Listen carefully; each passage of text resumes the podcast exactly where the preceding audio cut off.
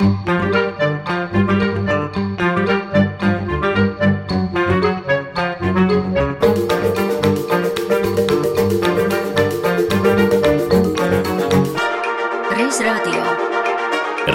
radio. Ar šodienas skatu pagātnē. Tad augstākā padoma pavadīja trauksmēnu nakti, kā jūs jau droši vien ziniet. Šī naktī no 19. līdz 20. augusta pulksten 4.45. Doma laukumā ieradās Omana kaujinieki un tika ieņemta Latvijas radio. Augstākā padoma sēka, kā arī valdības sēka, pagaidām nav ieņemti, ieņemtas un uh, augstākā padoma turpina savu darbu. Es gribu pastāstīt Latvijas radio klausītājiem, ka augstākās padomas deputātiem pagaidām ir brīva iespēja iziet no augstākās padomas un arī iekļūt viņa atpakaļ. Vismaz pagaidām ir tāda situācija. Tāpēc mēs ļoti ceram, ka augstākās padomas deputāti savāksies pulkstens deviņos uz savas frakcijas apspriedi, lai nolemtu, ko tad kādā veidā tālāk rīkoties, un pēc tam pulkstens desmitos uz plenāru sēdi, uz kuru tad mēs arī redzēsim, vai mūsu pretējā frakcija ir atnākusi. 1991. gada 19. augusta vakarā radiotorni Ulbrokā ir ieņēmuši omonieši. Tas ir PSRS iekšlietu ministrijas Rīgas sevišķo uzdevumu milicijas vienības. Taču translācijas tīklā no slepena raidītāja salaspilī turpina pienākt ziņas par apvērsumu, kad Maskavā no amata tika atstādināts PSRS prezidents Mihails Gorbačovs un varu sagrāba sazvērnieki, kuri sevi dēvēja par valsts ārkārtējā stāvokļa komiteju. Latvijā tai dienā valdība paziņo, ka valsts ārkārtējā stāvokļa komiteja ir nelikumīgs veidojums, un pilsoņi tiek aicināti nesadarboties ar to un īstenot nevardarbīgu pretošanos. Baltijas kara apgabala pavēlnieks ģenerālis Fjodors Kuzmins, kas bija minētās komitejas ieceltais pārstāvis Latvijas republikā, telefoniski draudēja apcietināt augstākās padomas prezidija priekšsēdētāju Anatoliju Gorbunovu, ja viņš nepildīs visus norādījumus. 19. augusta pievakarē omonieši kopā ar Baltijas kara apgabala karaspēku vienībām ieņem un izdemolē daudzas valsts un sabiedrisko organizāciju ēkas, taiskaitā arī Latvijas radio.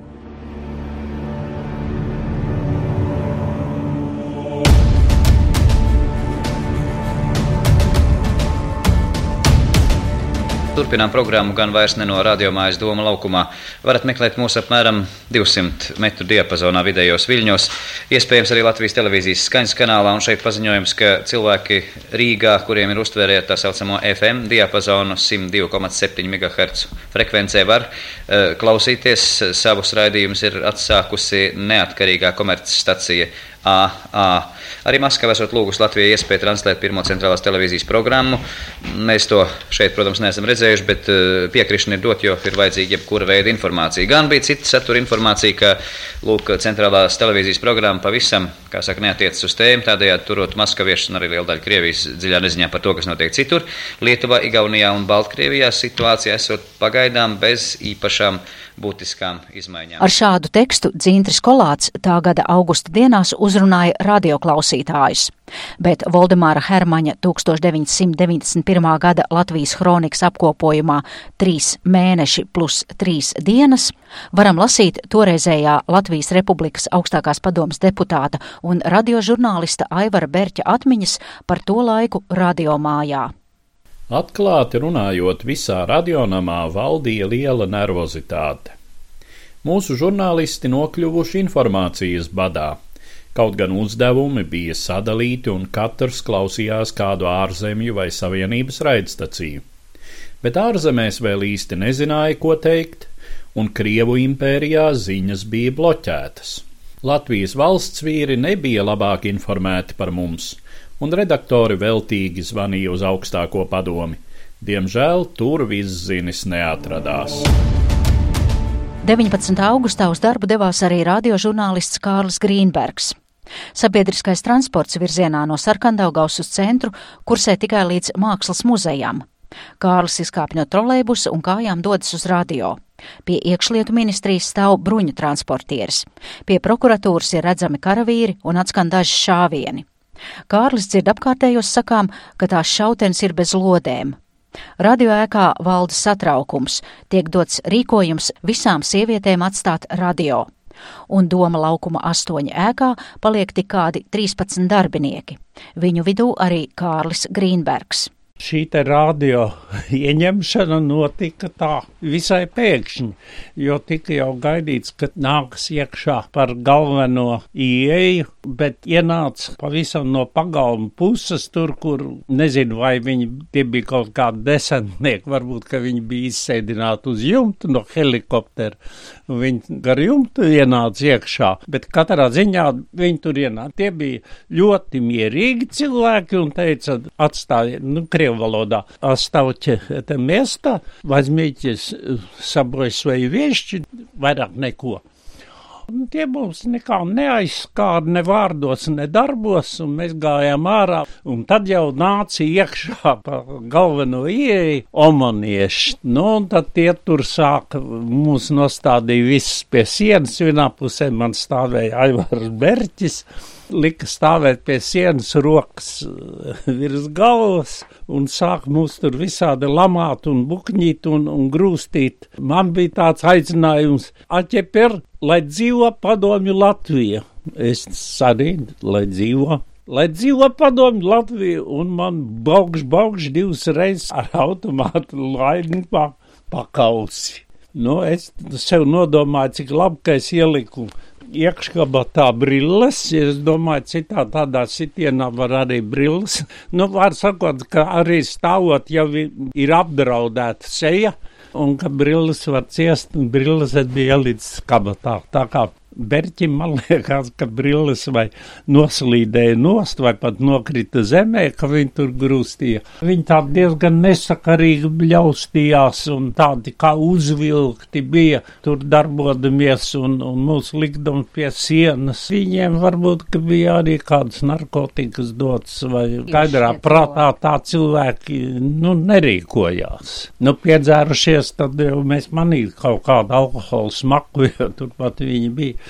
Cik viņi tur iebruka iekšā? Es domāju, ka viņi tur bija kāds ducis, nu, desmit cilvēki, divpadsmit tā apmēram. Un tad uh, mums tur kādu laiku tādā veidā par mums smējās, ņirgājās, kādu nozīmi radīja, ka mums neviens nav dzirdējis, bet tā nebija taisnība, jo darbojās tās tālās stacijas, tur kā tur kuldīga un, un, un, un kas vēl ārpus Rīgas, jo omanieši bija arī tur ieņēmuši raidītāju tajā laikā, tā kā tas Rīgas raidītājs konkrēti tas nedarbojās. Tad, tad vārdu sakot, vajadzēja atstāt radio visiem. Un es domāju, ko lai es tagad daru. Es zinu, ka man te tā kā asinis sūcās. Pa pakaus jums. Jā, nu, kur, kur lai es eju? Nu, tādi tie laiki ir bijuši, un tādi notikumi. Tā kā, ja citiem sadursme ar militāriem spēkiem ir notikuši tikai frontē un karalaikā, tad man ir iznācis mazliet savādāk. Man tā pēdējā tikšanās bija šī. Kārli, bet jūs tagad ar tādu smaidu un smieklu to stāstāt kā tādu atgadījumu, bet kādas tās sajūtas, kad bruņoti vīri un ka jūs, nu, pazemo un arī sit. Man galvenā tajā brīdī bija galvenais noturēties kājās, lai, nu, teiksim, nebūtu tā, ka man ir jānokrīt zemē, kā bija dzirdēts tādos gadījumos spārda ar kājām, un tad visādi, visādi var būt tāds it kā izdzīvošanas instinkts, es nedrīkst nokrist zemē, man ir jāturās vienīgais es iedomājos, nu labi, ka bērni un, un sieva, ka viņi ir drošībā un droši vien tagad, ja tiks ārā, tad vajadzēs kaut kur no Rīgas vispār pazudus uz kādu laiku, kamēr nomierinās visas tās puča lietas, bet, nu, pa laimi tas pučs izgāzās un, un, un tad, tad jau piezvanīja Berķis un teica, ka, nu, jānāk ir atkal uz radio. Aivārs Berķis un Māra Eglīti, jā. Tad mēs trīs mūs vajadzēja ieiet studijā, un mēs atkal paziņojām klausītājiem, ka Latvijas radios atsāk savu darbību. Kopā ar Kārli Grīnbergu tā laika notikumus skatīja arī nu jau aizsaulē aizgājušais ilgadīgs radiodarbinieks, radiotehniķis un inženieris Ilmārs Ūlāns. Lūk, viņa atmiņu fragmenti no grāmatas Latvijas radio 75. Ar automātiem, durkļiem un nažiem bruņotie omonieši sāk skraidīt pa radionāma kāpnēm un vākt kopā visus te esošos cilvēkus. Pirms viņi ieradās otrā stāva tehniskajās telpās, mēs vēl paspējām atskaņot Latvijas himnu. Līdz ar tās pēdējiem akordiem aparātu centrālē ieskrēja viens no omaniešiem un krievu valodā prasīja: Ko jūs te raidāt? To jau neviens vairs nedzird. Viņš taču nezināja, ka visos Latvijas rajonos to dzird. Ap puspieciem no rīta mūs tomēr no radionāma izlaida. Kā vēlāk uzzināju, pēc omoniešiem radionāmu savā ziņā bija pārņēmuši desantnieki. Kad pēc dažām dienām atgriezāmies, te atklājās milzīga postaža. Bija laustas redakciju durvis, lai gan pie dažām redzamā vietā bija uzkārtas atslēgas. Grāmatvedībā uzlausti seifi, laustas mēbeles un demolēts viss iespējamais. Izņēmums bija tehnikas telpas un aparatūra. Te nebija demolēts, bet pielūžņots gan tukšas šņābja pudeles, konservu kārbas, cigarešu gali, pārtikas atliekas. Interesanti, ka piemēram cukurs un ievārījumi bija pārtikas kastēs, kas nākušas no NATO. Tās mētājās visās tehniskajās telpās. Daudz notikumus no tā sauktā trešā atmodas laika savā kamerā ir iemūžinājis kino režisors un operators Gunārs Bandēns. Viņš arī bija klāt ar kameru 21. augustā, kad radio atkal atsāk savu darbu. Filmētajā materiālā ir redzams izdemolēts redakciju telpas. Orķestra vadības istabā starp izmētātiem papīriem, tukšām kafijas buņģām vīd saburzīts radioorķestra vadītāja Aļņa Zaķa attēls un uz galda mētājas viole ar pārautām stīgām. Reiz radio. Un tagad atkal Kārļa Grīnberga atmiņas par skatu radio iekštelpās pēc omoniešu ārdīšanās. Nu, es zinu, ka tur bija atlausts vaļā tāds seifiņš, un seifiņā bija iekšā apmēram tūkstoši rubļu, un tā bija tāda nauda, kas bija paredzēta, nu, kaut kādam mūsu kopīgam sarīkojumam. Tā bija pievākta, tur bija pievākta arī šie mazie reportieri magnetofoniņi, viss atvilknes bija izrautas un, un izmests uz grīdas tas saturs, lai redzētu, kas tur vai tur kaut kas nav ko pievākt ievāk. Bija pagājis vairāk kā pusgads pēc barikādēm, un, un tagad Jā. atkal kaut kas līdzīgs. Jā, tieši tā. Tas vēl viss atgādināja barikāžu laiku, bet nu, bija kaut kāda tāda cerību sajūta tuneļa galā, kā saka, gaismiņa redzama, ka laikam tomēr Latvija tiks neatkarīga vai nu, salīdzinoši brīvāka, vai būs varbūt kaut kas līdzīgs, kāds bija tās demokrātiskās valsts, tā saucamās Eiropā, ka būs tādas labas politiskas pārmaiņas Kad trešajā dienā 1991. gada 21. augustā puķis izgāzās un radio atsāk savu darbu, pirmā klausītājs uzrunāja diktore Māra Eglīte. Pamodos es tai augusta rītā mājās un zvanu sešos jau uz radio. Un man atbild, aļo! Es saku, vai tas ir radio? Не понимаю, что вы говорите. Man bija skaidrs.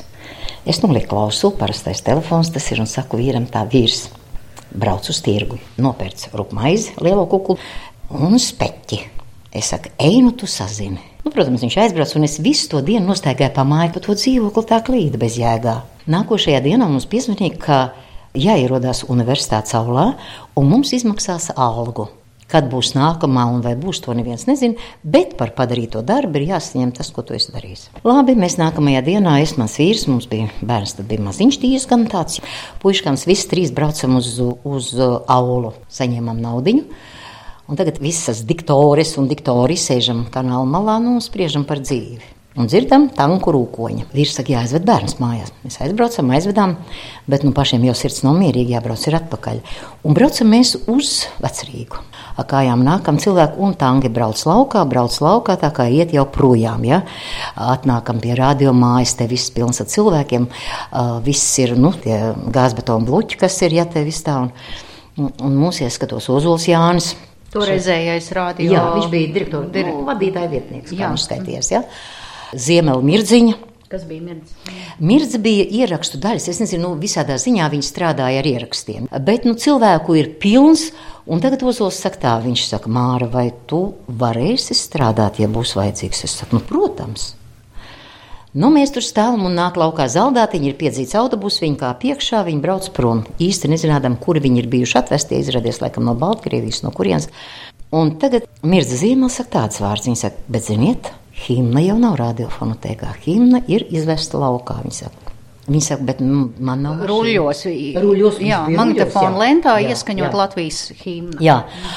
Mēs sakām, kāda problēma. Mums ir mašīna, un mans vīrs ģirds ar mirdziņu aizbrauc pakaļ himnai uz mieru ielu. Viņi tur dzīvoja. Kamēr viņi pakaļ himnai, tikmēr mēs jau ejam iekšā.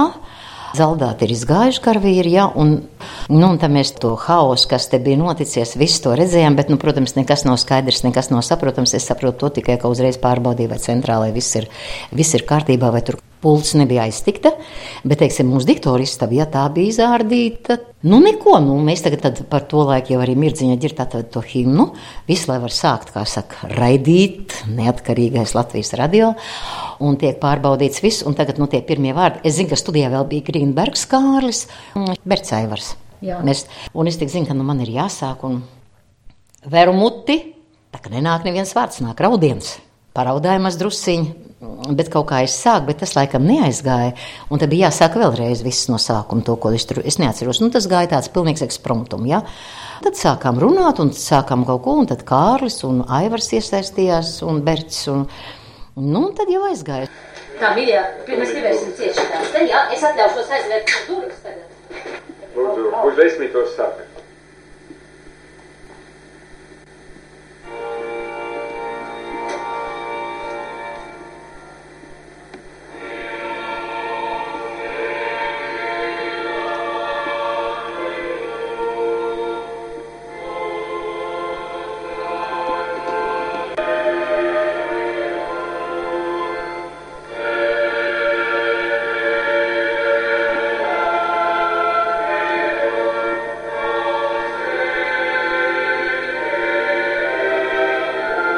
Tie ir fragmenti no minētā Gunāra Bandēna filmētā materiāla.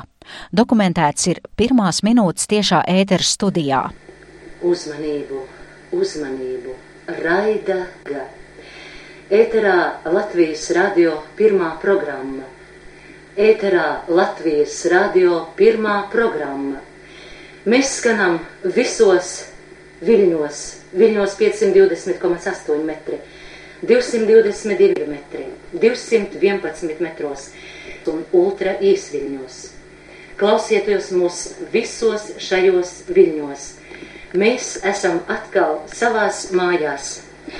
Un ienākot savās mājās, es gribu pirmajam dot vārdu cilvēkiem, kuri pēdējie no šīs mājas izgāja, un atkal pirmie ir ieradušies, un pirmie ar jums runās.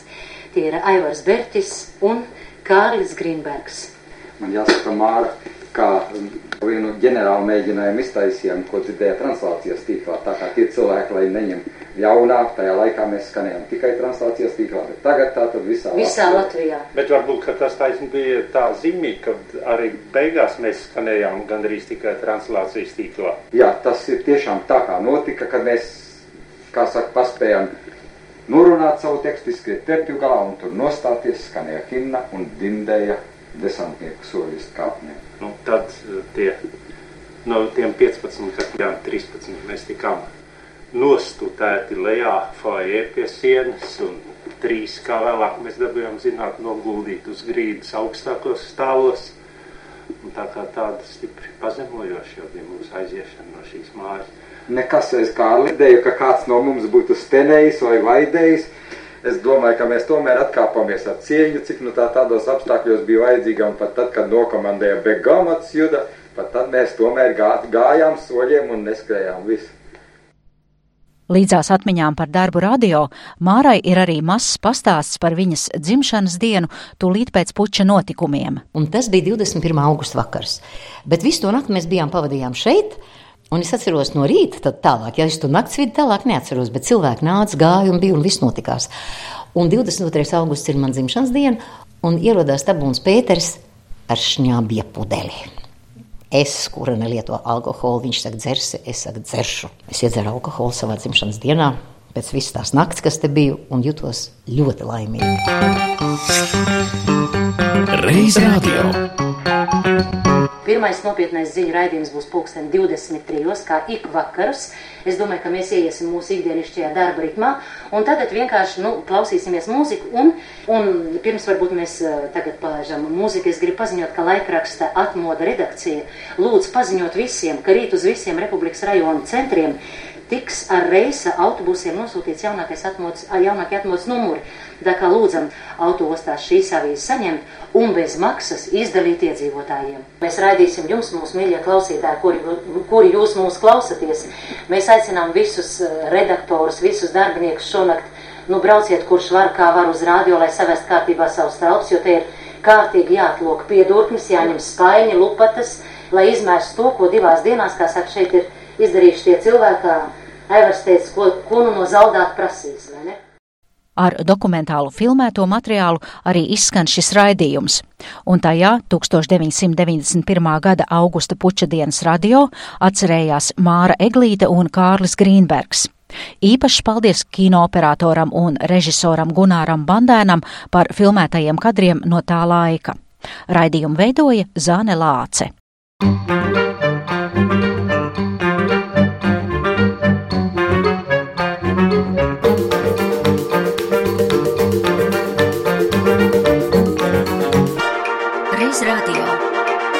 radio. Reiz radio ar šodienas skatu pagātnē.